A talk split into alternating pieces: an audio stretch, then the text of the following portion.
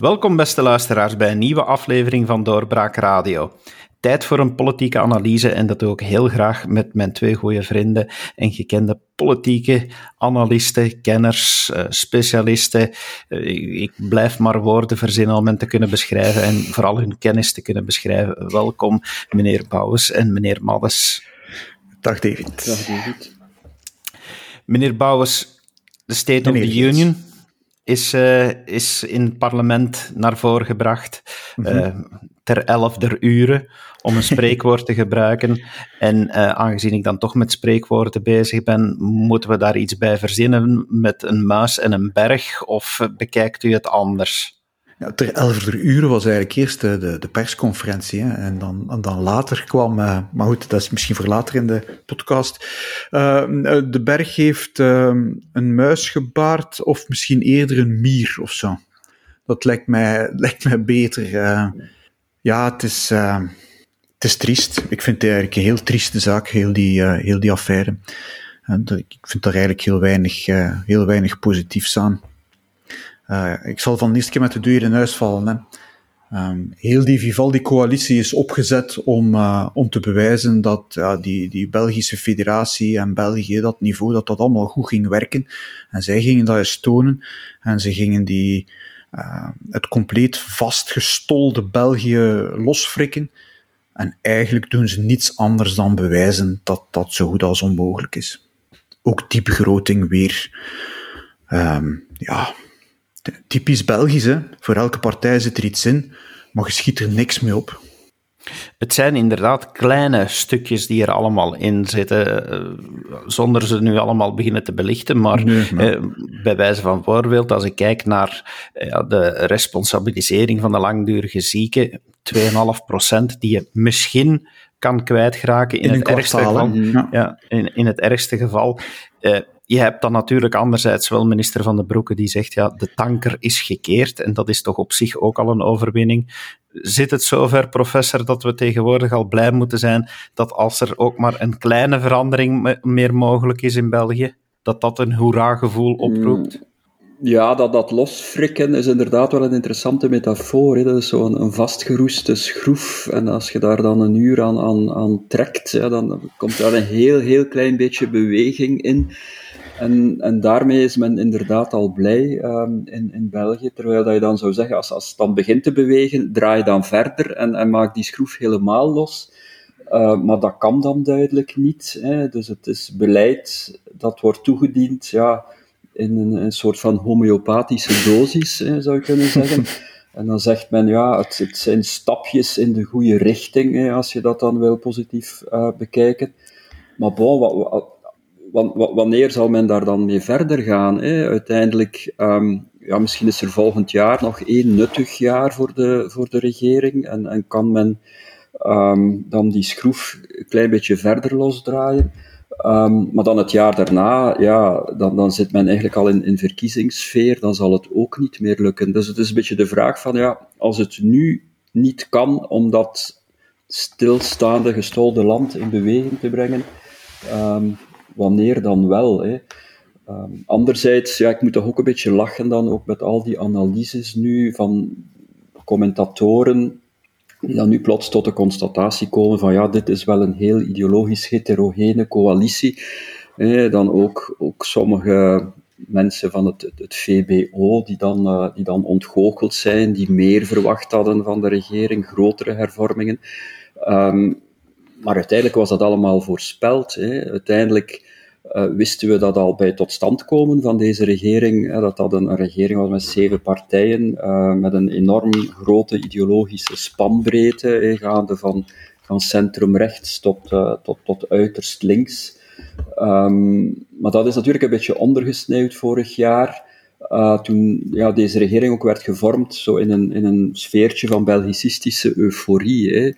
Uh, dus zo, ja, die, die, die bedrijfsleiders van het VBO die waren allicht ook wel enthousiast vanuit een soort Belgische reflex van ah, België kan opnieuw functioneren, we hebben opnieuw uh, een, een, regering. Uh, en nu is natuurlijk ja, voor die mensen pijnlijk ontwaken. Hè? Maar bon, dat, zoals ik zei, ja, dat lag eigenlijk in de lijn van de verwachtingen. Die, die, ja, eerst is men gekomen voor die langdurig zieken die men terug aan, aan het werk wil gaan uh, helpen. met, uh, met de wortel. En, en toen zei men, men, je hebt ook een stok nodig. En ik zag in een persbericht dat die stok er nu ook was. Maar die 2,5% loon verliezen, als je een vragenlijst niet invult, dat is geen stok. Als we dan toch in de beeldspraak bezig zijn, dat is naar mijn gevoel zelfs geen twijgje. Ik denk niet dat dat enig verschil gaat maken, maar ik vrees dat we tot dergelijke maatregelen veroordeeld zijn. Hè. Wijkt de tanker af van zijn lijn of is hij beginnen keren? Uiteindelijk zie je dat Belgische regeringen een heel weinig marge hebben. En eigenlijk maakt het zelfs bijna niet meer uit wie er in die regering zit. Hè. Die marge is een beetje op links, een beetje op rechts. Maar heel veel verschil kan een Belgische regering niet meer maken in beleid. Er moet structureel moet er ingegrepen worden. Als je 21 miljard tekort hebt en een staatsschuld van 114% van je binnenlands product, ja, dan moet er structureel ingegrepen worden. En dan kom je er niet met van die onnozeleden als ja, van die typische dingen. Hè. We gaan 200 miljard eh, of 200 miljoen extra ophalen door een strijd tegen fiscale fraude. Ja, ja oké, okay, alstublieft. Ja. En waar gaan ze die halen? En dan die, die effectentax, waarvan eigenlijk niet zeker is of die er wel komt, hè, want die wordt nu ook weer bevochten bij het Grondwettelijk Hof. En, en dan weet je dat er ook in die begrotingen gepingeld wordt met, met cijfertjes. Hè, een beetje inflatie meer of minder daar, een beetje economische groei meer of minder daar. En dat scheelt direct een paar tientallen of honderden miljoenen. Dus zo'n begroting, dat is natuurlijk ook een beetje ja, papierwerk. En mijn grootmoeder zei altijd: papier is verduldig. Uh, ja, papier verdraagt heel veel. Je zal ook moeten zien wat er uiteindelijk van die begroting komt. En dat zullen we zien ja, bij de eerste begrotingscontrole, in welke richting dat we afstevenen. Hè. Uh, staatssecretaris De Blekere klopt zich op de borst dat de stijging van de uh, overheidsschuld door deze begroting gestopt wordt. Ik twijfel daaraan en ik zie dat ik niet alleen ben. En ik zie weinig betering en ik zie, ja, ja het probleem wordt alleen maar groter. En hoe langer je wacht, hoe nog groter en hoe nog moeilijker het wordt om echt structureel in te grijpen.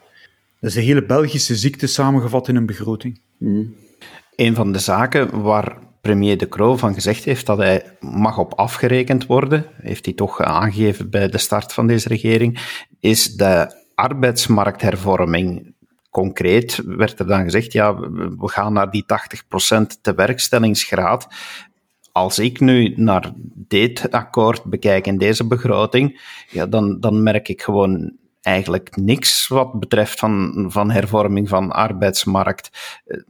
Eh, ja, is er dan echt wel iets veranderd aan die tanker? Uh, misschien als die één graad naar links gaat, hij blijft nog altijd helemaal de verkeerde kant mm. uitgaan om in de beeldspraak te, te blijven. Moeten we dan uh, heren blij zijn, zoals bijvoorbeeld professor Baart in een tweet zei, moeten we dan al blij zijn dat er gewoon geen electorale zottigheden gebeurd zijn? Dat we blij moeten zijn van dat die nog diezelfde richting uitvaart? Er zijn natuurlijk wel een, een aantal maatregelen uh, genomen op, op het vlak van arbeidsmarktbeleid. Eh, dan wie, eh, werklozen die dan een knelpuntberoep of een, knelp, een job in een knelpuntsector aanvaarden, eh, die kunnen dan een, een, deel van hun werkloosheidsuitkering meenemen um, enzovoort. Dus dat is een, een brei, eh, een, een, brei van, van, van hele kleine um, maatregelen. En hier en daar is er ook sprake geweest, maar dat is nog heel vaag, van een, een versterking van de autonomie van de gewesten. En dat is eigenlijk ook iets wat in het regeerakkoord staat. Dat zijn zo die zogenaamde place-based policies, waarbij men een aantal federale bevoegdheden op vlak van arbeidsmarktbeleid um, zou um, de facto federaliseren. En, maar dat is allemaal heel, heel vaag. Um, ook als er dan sprake is over het versterken van de mobiliteit, dus dat er meer Walen zouden komen werken in Vlaanderen, ehm, en dat er dan een, een samenwerkingsakkoord zou komen tussen uh, de Vlaamse, de Waalse uh, dienst voor arbeidsbemiddeling. Um, dat zeggen ze al twintig jaar, hè? Ja, Volgens mij zeggen ze dat al twintig jaar. De vraag is, zie je daar ook iets van? Zie je daar ook iets van? En, en, en wat zal dat betekenen alleen naar, naar, naar Vlaamse autonomie toe? Hè? Uh, er, is ook, er is ook op een bepaald moment sprake van geweest dus van ook VDAB te, te sanctioneren hè, in het kader van dat hè, activeren van langdurig zieken. Ja, hoe, hoe, hoe zal men dat dan precies doen? Uh, dat, dat is ook heel onduidelijk voor mij. Um, dat is dan eigenlijk een soort beleid van, van responsabilisering, waarover in de zesde staatshervorming zoveel is gepraat, gaat men dan uh, de, de, de, de, bijzondere financieringswet aanpassen. Um, in elk geval allee, lijkt het mij wel duidelijk, allee, zo alles wat te maken heeft met arbeidsmarktbeleid, natuurlijk eh, dan gekoppeld aan uh, die hele problematiek van de, de arbeidsongeschikten, en, en de, langdurig zieken, um, ja, dat, dat zou allemaal in één hand moeten komen. Hè. Het, is evident ja, dat dat een, een, bevoegdheid moet worden van de, van de gewesten en dat dan natuurlijk ja, de, de, de gewesten uh, nou met elkaar moeten, moeten samenwerken, maar dan wel vanuit een, een, een autonomie. Um, dus het, het, probleem dat, dat dit beleid eigenlijk ja, een, een beleid is in, in stukken en brokken, een, een brik-à-brak beleid, heeft natuurlijk ook te maken met het institutionele en met het feit dat dat, dat, dat, dat arbeidsmarktbeleid verdeeld is over verschillende overheden, waardoor eigenlijk de Vlaamse overheid alleen niet, niet volop kan gaan voor een efficiënt beleid, maar ook de federale uh, overheid niet. En, en ik zeg het, hoewel dat dat hier en daar zo wel eventjes ter sprake kwam, uh, is het wel duidelijk dat ook wat dat betreft ja, er geen fundamentele hervormingen op stapel staan. Maar ja, eigenlijk komt, we draaien altijd in cirkels. Hè. Het komt altijd erop neer dat er geen duidelijke keuzes kunnen worden gemaakt. En dat er eigenlijk ook geen lange termijn beslissingen zijn. Of, of geen lange termijn visie. En eigenlijk zit ja, dat, dat, gestolde land. Ik vind dat je dat nergens zo goed ziet als in heel die affaire van wat men dan de e-commerce noemt, hè, dat online winkelen. Uh, daarin zie je, de wereld is veranderd. Er wordt enorm veel online gekocht. En om, om dat ook in België echt draaiend mogelijk te maken, moet je eigenlijk aanpassingen doen aan een aantal ja, historisch gegroeide afspraken rond arbeid. bijvoorbeeld rond de nachtarbeid, die in België begint vanaf 8 uur blijkbaar. Wat een heel vroege nacht is, maar fijn. Uh, Ondertussen is die e-commerce natuurlijk enorm gegroeid, ook in corona. En hebben we in dit land daar finaal de boot voor gemist. Hè. Wij, als we online kopen, uh, creëren we massaal jobs in Duitsland en in Nederland. Maar niet hier. En dan zie je dat deze regering, maar ook de vorige is daar niet in geslaagd, laat ons daar niet onnozel over doen, deze regering er niet in slaagt om die wet ook maar een beetje aan te passen en nu gewoon haar politieke verantwoordelijkheid ontloopt door te zeggen we gaan dat in het bakje of in het mandje leggen van de sociale partners. Waar je natuurlijk gif kan op innemen dat de, dat de vakbonden hun, hun positie die ze daar hebben, namelijk zij moeten in die bedrijven daar goedkeuringen voor geven en dat geeft hen een fantastische onderhandelingspositie. Ze gaan die niet uit handen geven. En het gevolg zal zijn dat wij blijven jobs creëren met die e-commerce in het buitenland. Terwijl dat jobs zijn voor laaggescholden, en laat dan nu net het probleem zijn uh, dat wij weinig jobs hebben voor laaggescholden. De helft van de werklozen in Wallonië, las ik deze week, heeft niet eens een diploma secundair onderwijs. Dus eigenlijk zou dat iets zijn dat een enorme boost kan geven aan de economie in Wallonië. En, en we doen dat niet. Ja, wat mij dan eigenlijk nog opvalt, dat is dat zelfs binnen, om, om dit dossier als voorbeeld te nemen, dat binnen die keuzes eigenlijk er dan nog geen keuze gemaakt is. Want wie gisteren naar Ter Zake keek, ja, die zag minister van Quickenborne eigenlijk terugkomen op de communicatie van de dag, dat in dit dossier, als de sociale partners niet akkoord zouden gaan, de regering wel zou beslissen, moest hij dan toegeven dat het eigenlijk dan terug moet heronderhandeld worden. Uh, dus ja, er worden geen keuzes gemaakt. Uh, en ik denk dat dat dan inderdaad ook uh, de conclusies die we kunnen maken. Uh, ik ik wil dus ook even gaan kijken naar hetgeen wat we weten over de onderhandelingen die, die gebeurd zijn, de, de lekken die er geweest zijn. Blijkbaar is dat toch ook niet zonder slag of stoot gegaan. MR, uh, vicepremier Wilmes, die, die op een gegeven moment wegloopt, pendeldiplomatie. Uh, ook het normale spel der mm. onderhandelingen? Of uh, toch ook weer het zoveelste bewijs dat deze regering niet echt stevig aan elkaar mm. hangt, professor?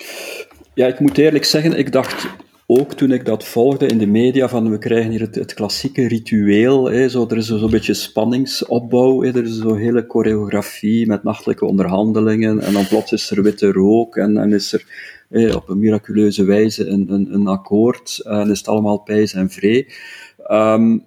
Ik, als je nu inderdaad leest um, wat er precies is gebeurd, dan, dan heb ik toch wel het gevoel, het was meer dan een ritueel. Hè. Het is, er is blijkbaar echt uh, een heel, uh, heel heftige botsing geweest. Het was eigenlijk heel, heel bits. Um, inderdaad, uh, minister Wielmes is twee keer weggelopen. helemaal op einde van de onderhandeling heeft de, de MR dan nog de, ja, de heikele kwestie van de beperking van de werkloosheidsuitkeringen in de tijd op tafel gegooid. dus voor werkzoekenden die een knelpuntberoep weigeren. Uh, dus dat was natuurlijk een, een, als ja, dat werkte als een, rode lap um, op een stier. Uh, en dan is ook heel de zaak rond de, de nachtarbeid uiteindelijk finaal gekelderd uh, door minister Dermagne. Hè. Dus dat was natuurlijk op basis van de argumentatie van, van Pieter daarnet, was dat natuurlijk iets waar, wat, wat, de, wat de liberalen en meer en ook VLD wilden doorduwen. Maar dat is eigenlijk op het laatste moment gekelderd door, de, door de PS. Um, en dan uh, heeft dan de, de, de, de MR ook, dus het, heel het, het, voorstel om dan de woonbonus voor tweede woningen af te schaffen. Um, dat heeft dan, daar heeft dan de MR een veto tegen gesteld. En, en, dus eigenlijk dat is geen mooie landing geweest van die onderhandeling. Dat is wel heel, heel duidelijk. En dat zal sporen nalaten. Dus dat, zal, dat, dat, dat zijn etterende wonden die daar uh, geslagen zijn. Er is uh, de, de, rol die, die, die de premier Alexander de Croo daarin gespeeld heeft, is, is heel controversieel. Daar is veel kritiek over. Um, mm -hmm. Hij heeft dat te weinig, uh, te weinig voorbereid. Hij heeft dat te veel uh, op, op zijn beloop gelaten. Eigenlijk die belangrijke politieke knopen die moeten worden doorgehakt. Hè, die fundamentele kwesties, zoals bijvoorbeeld heel die discussie over de, over de nachtarbeid. Um, ja, dat zijn eigenlijk zaken die in juli, in juli moeten getrancheerd worden. Daar moet je niet mee wachten tot het allerlaatste moment. Dus eigenlijk in juli, voordat um, de regering in reces gaat, moeten eigenlijk de, de grote contouren van dat akkoord klaar zijn. Als je effectief eh, wil een groot akkoord bereiken, wat, wat, wat dit evident niet, niet is. En dat heeft dus uh, de, de premier nagelaten. Um, en dus de, ja, de commentaar die je dan hoort en die, die uitlekt in de, in de media, dat is van, ja kijk, dat, dat was goed voor één keer. Hè. We, we, we, hebben nu, uiteindelijk zijn we erin geslaagd hè, om, om een regeringscrisis te vermijden, maar we hebben wel aan de, aan de rand, op de rand van de afgrond uh, gebalanceerd. Dus dat is goed voor één keer, dat is niet voor herhaling vatbaar. Um, en daarbij moet je ook dan bedenken dat uiteindelijk het, het, idee wel was, in het voorjaar werd er gezegd, een keer dat COVID voorbij zal zijn, ja, dan zal de regering eigenlijk een doorstart moeten nemen. Dan zal er moeten een soort heronderhandeling, niet echt een heronderhandeling, maar een echte onderhandeling zijn over het beleid, een nieuw regeerakkoord, om eh, echt een, een, een, beleid te kunnen voeren en, en te kunnen hervormen. Uh, en die verwachting, die, die heeft de regering evident uh, niet, niet waar kunnen maken. Dus eigenlijk is het, ik denk wel dat wat we nu beleefd hebben, dat, dat dat toch wel voor een stuk een, een, een sleutelmoment is geweest. En daarbij, hè, iets anders is ook dat een aantal heel moeilijke dossiers, uh, dus eigenlijk de meer fundamentele fiscale hervorming, ook de pensioenhervorming, die heeft de regering voor zich uitgeduwd. Hè. Daar heeft mhm. men eigenlijk al vooraf gezegd van ja, dat gaan we nu niet beslissen, daarmee wachten we tot het, tot het najaar. Ook, ook heel de discussie over de kernenergie. Hè. Dus er zijn eigenlijk een heleboel heel moeilijke discussies, moeilijke beslissingen, waarbij men de knoop niet heeft durven doorhakken. Ik vind eigenlijk in, in, in al die verhaaltjes die je dan hoort over uh, wat er tijdens die onderhandeling precies gebeurd is, vind ik het meest opvallend of het meest sprekende, het hele verhaal, dat de Kroo was naar huis met het idee dat er een akkoord was. En dan zegt de PS-vicepremier Dermanje plots van, ja, maar ja, hier, hier is toch geen akkoord over. En dan denk ik, wie is eigenlijk de baas in die regering? Ik bedoel, ja, je, je, leest dan van, ja, ze waren op de studiedienst van de PS nog een aantal dingen aan het uitrekenen en op basis daarvan zeggen ze gewoon nee terwijl de, de, de, premier een idee had van we hebben een akkoord en dan moest hij van thuis uit beginnen bellen. En dan denk ik, ja, dan is het verhaal eigenlijk voor een groot deel waar dat als je niet van de grootste partij bent en je bent, of van een grote partij en, en je bent premier, ja, dat je eigenlijk niet 100% in de cockpit van je eigen regering zit. En dan komen al die verhalen inderdaad naar boven van de Croo die, die, die het niet 100% uh, onder controle heeft, die zijn ministers niet bijeenroept, uh, ministers die daarover beginnen klagen in de pers. Um, ja, de eenheid die er niet is. En dan zegt de minister, maar ik heb een grote barbecue georganiseerd in mijn nof en de PS was er zelfs niet. En dan, dan krijg je zo'n raar sfeertje. Terwijl, herinner u een paar podcasts geleden, wij er hiervan overtuigd waren, Vivaldi is vertrokken voor twee uh, legislaturen zeker. Want ja, wie gaat ze wegstemmen? Maar veel zal natuurlijk afhangen van de sfeer waarin die Vivaldi-regering ja, de tijd zal volmaken. Uh, tegenwoordig wordt daar weer minder over gesproken, over een vroege val van de regering, dus het is daar weer wat stilletjes over.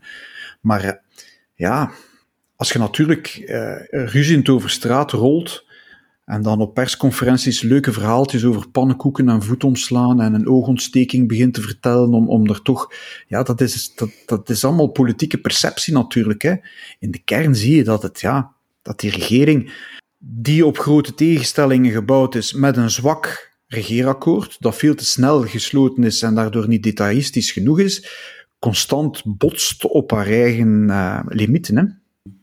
En dat je zo geen deftig beleid kan voeren. Nee, het dramatische is natuurlijk allee, dat dat nog lang kan blijven duren. Hè. Dus dat voort, voortstrompelen allee, van het ene conflict naar het andere. En ja, maar toch, op een gegeven moment zal Europa toch ingrijpen op onze begroting. Bedoel, we zitten nu ja. aan, wat is het, 114, 113 procent, maakt nu niet uit. Um, je zit aan wat, 5 procent tekort op dit mhm. moment. En daar doen we een paar procent, 0, zoveel vanaf. Um, ja, dat, dat wil dus wel zeggen, als je 5% tekort hebt, dat je elk jaar dat, dat, dat wat geleend en je schuld gewoon elk jaar groter wordt. hè? Mhm.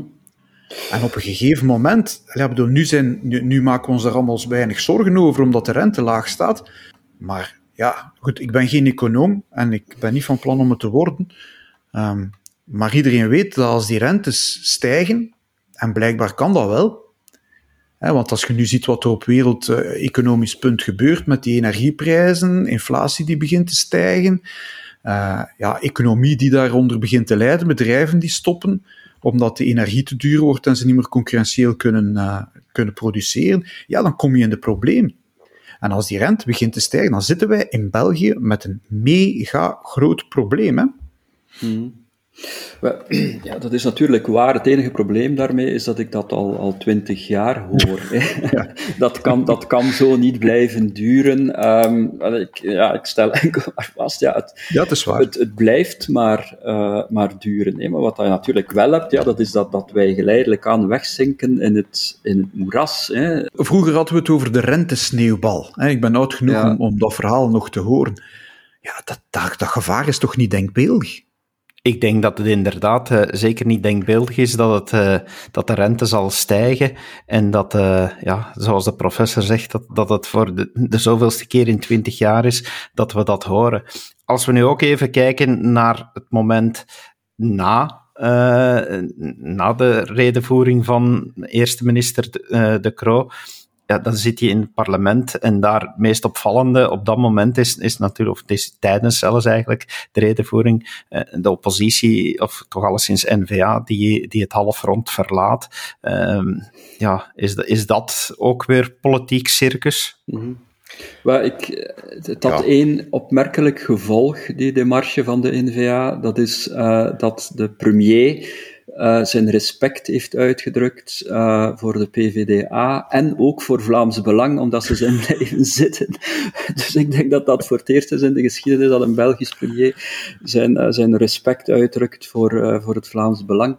Um, maar los daarvan ja, vond ik dat eigenlijk geen zo'n goed idee van de, van de NVA om, om het halfrond te verlaten. Het is al verschillende keren gezegd, ook, ook, ook als de N-VA regeert, ook in de Vlaamse regering, is dat vaak zo dat, dat er eerst een persconferentie is om een aantal begrotingsmaatregelen toe te, toe te lichten en dat pas daarna, eh, dat wordt um, toegelicht in het parlement, in de beleidsverklaring of in de, de State of the, of the Union. Ik vind uiteindelijk, eh, je kunt u daarover ergeren en, en ik vind dat inderdaad niet fatsoenlijk om dat op die manier te doen. Tegelijkertijd is dat iets waar dat de man in de straat en de vrouw in de straat niet wakker van liggen. Hè. Ik bedoel, dat is zoiets iets typisch politiek politicien. Dat is iets waar men druk over doet onder de kaastolp van de, van, van de politiek. In de bubbel. Um, in de bubbel, ja. En ik denk dat dat voor de meeste mensen nogal onbegrijpelijk overkomt, dat de NVA dan omwille van zoiets wat dat overkomt als een futiliteit, het, het halfrond uh, verlaat. Um, uiteindelijk, ja, bon, zo'n State of the Union is natuurlijk een moment waar, waarop dat de regering en de premier kan, kan schitteren. Hè. Dus alle schijnwerpers zijn op de premier gericht. En oké, je, je, moet de premier dat, dat moment gunnen, vind ik. Je moet, je moet dat als oppositie niet verbrodden. Je moet wel nadien eh, harde kritiek leveren op het beleid. Eh, en zo hard mogelijk, dat is iets anders. Uh, maar dat moment zelf ja, is, een, is een moment waarop je als, als oppositie eventjes achteruit moet leunen en moet zeggen van kijk, oké. Okay, laat het komen. Uh, laat, laat, laat maar komen, inderdaad. Iets anders, eigenlijk, iets anders is maar dat was niet de echte aanleiding waarom dat de NVA is vertrokken. Dus het feit dat nog altijd maar de helft van de parlementsleden mhm. aanwezig mogen zijn, uh, dat, dat vind ik veel erger. Hè. Uh, dat, is, dat lijkt mij een, een volledig nutteloze maatregel. Ik vind het onbegrijpelijk uh, dat men die maatregel nog, nog toepast. Uh, omdat het is een maatregel die de, die de meerderheid ook goed uitkomt eigenlijk. Laat ons daar heel eerlijk over oh, zijn. Oh, ja, op die manier fnuikt men eigenlijk het, het, het parlementaire debat zonder dat daar een, een, een goede reden uh, voor is. Als, als je daar met parlementsleden over spreekt, heb je heel veel parlementsleden die, die zich daaraan ergeren. En die zeggen van ja, kijk, dat is niet een parlementair debat zoals het zou moeten, hè, waar je waar je in zo'n debat kan, kan, kan tussenkomen en, en, en, en meedoen aan de discussie. Nee, nu moet dat eigenlijk allemaal op voorhand. Ja, uh, wie gaat tussenkomen waarover, hoe, en, en wie mag er in, in, in het, aan het plenaire deelnemen, wie niet. Men heeft nu wel in de Kamer uh, dubbel zoveel mensen door een, uh, een, een, iets creatievere vorm van wiskunde en meten. Um, dat is in politiek altijd mogelijk. De regels die ze zelf uitvaardigen, gaan ze dan even losjes anders interpreteren dan, dan, dan ze eigenlijk opleggen aan anderen. Maar ik vind wel, ja, ik geef de professor daar gelijk, wat het circus betreft, maar zeker ook, ik vind dat men uh, in de parlementen nu wel eens mag ophouden met, uh, met die maar half aanwezig te laten. Het parlement moet zijn werk doen, dat moet volledig zijn. Um, de oppositie moet daar uh, vol in, in, in, de, in, in conflict kunnen gaan met, met de meerderheid. Daar moet kunnen op het scherpst van de snee gedebatteerd worden. Anders wordt het allemaal nog veel makker. Uh, en, en, en gaat, slaagt de regering daarin om veel te makkelijk weg te geraken. Uh, maar goed, ook daar, ja. Eigenlijk zou het iemand van de oppositie moeten zijn die, die het parlement leidt, vind ik. Maar, maar dan komen we heel ver uh, in, in, in politieke. Ik denk dat ook weinig mensen daar wakker van liggen. Maar ik denk dat dat eigenlijk een veel eerlijker zaak zou zijn. Om even de discussie rond de State of the Union af te sluiten, want uh, inmiddels, terwijl wij dit opnemen, is het debat ook bezig in de Kamer. Dus uh, daar zal ook nog wel nieuws uitkomen. Een ander nieuwsfeitje deze week. Bart de Wever heeft een interview gegeven aan De Standaard. De eerste keer in zeven jaar. Ik heb het ook gelezen. Op, op, iedereen leek zo van, ja, daar, daar, daar komt groot nieuws uit. Maar vonden jullie eigenlijk dat dat interview groot nieuws bevatte? Nee, ik vond het, het feit dat Bart de Wever een interview gaf aan de Standaard was misschien wel het grootste nieuws. En ik heb me afgevraagd, wat heeft hem van idee doen veranderen? Om plots terug zich te laten interviewen door de standaard. Blijkbaar staat het electorale water hem dan toch wel een beetje aan de lippen. Ik weet het niet. Maar ja, er is heel veel gedoe en ja, dat hoort allemaal bij het politieke systeem. En natuurlijk gaat Vlaams Belang daar dingen uitlichten en die rondsturen, die een beetje uit zijn context gerukt zijn. Het is niet de eerste keer, hij heeft dat zoiets al over het communisme ook gezegd, op de stortbelt van de, van de geschiedenis, meen ik mij te herinneren. in dat interview stond ook dat hij nog altijd vindt dat uh, een, het een, een goede strategie is om Vlaams Belang in het bad te trekken, om ze ja, als, als middel tegen Vlaams Belang eigenlijk. Dus ja, heel veel nieuws stond daar niet in. Maar, maar goed, ja, blijkbaar is een interview met Bart de Wever altijd nieuws. Hmm.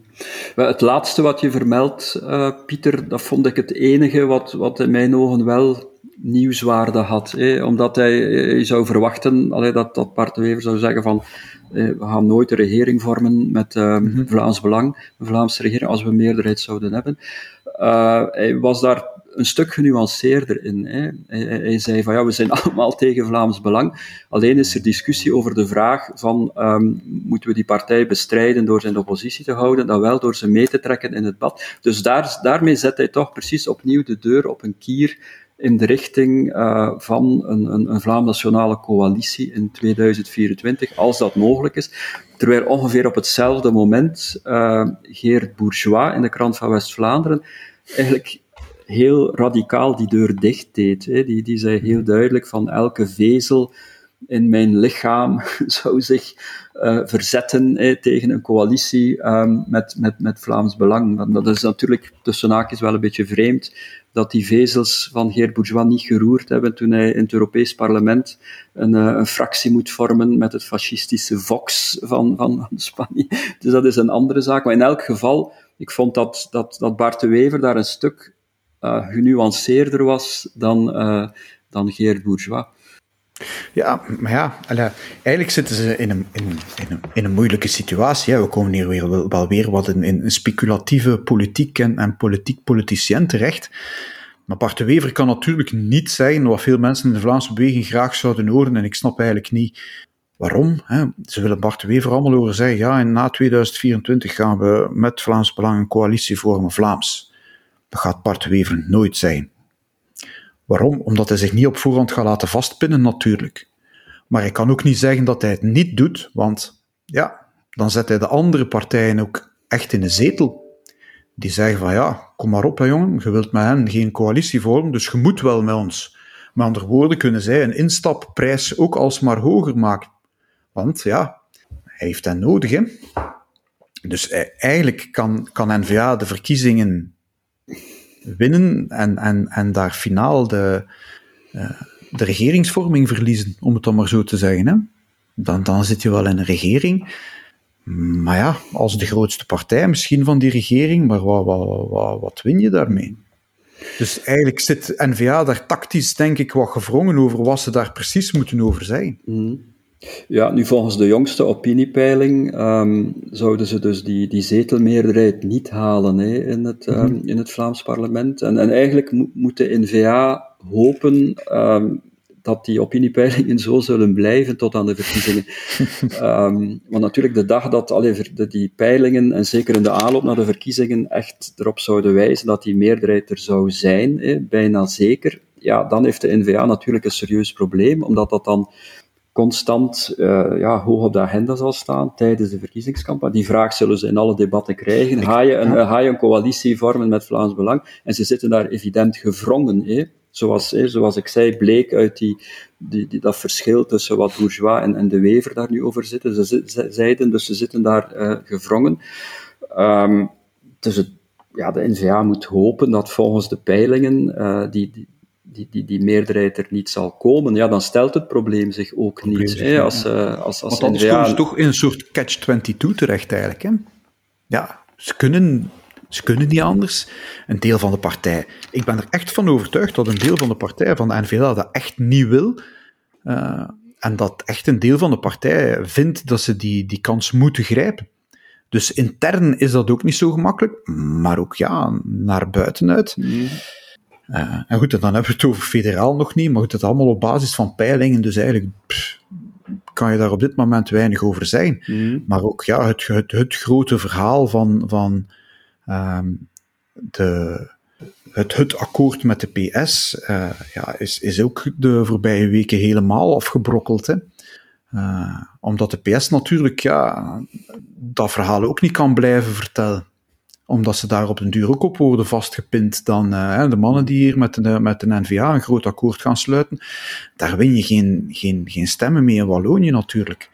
Dus de NVA moet een beetje op zoek naar een, naar, naar een, ja, een, een geloofwaardig verhaal naar die verkiezingen in 24 toe.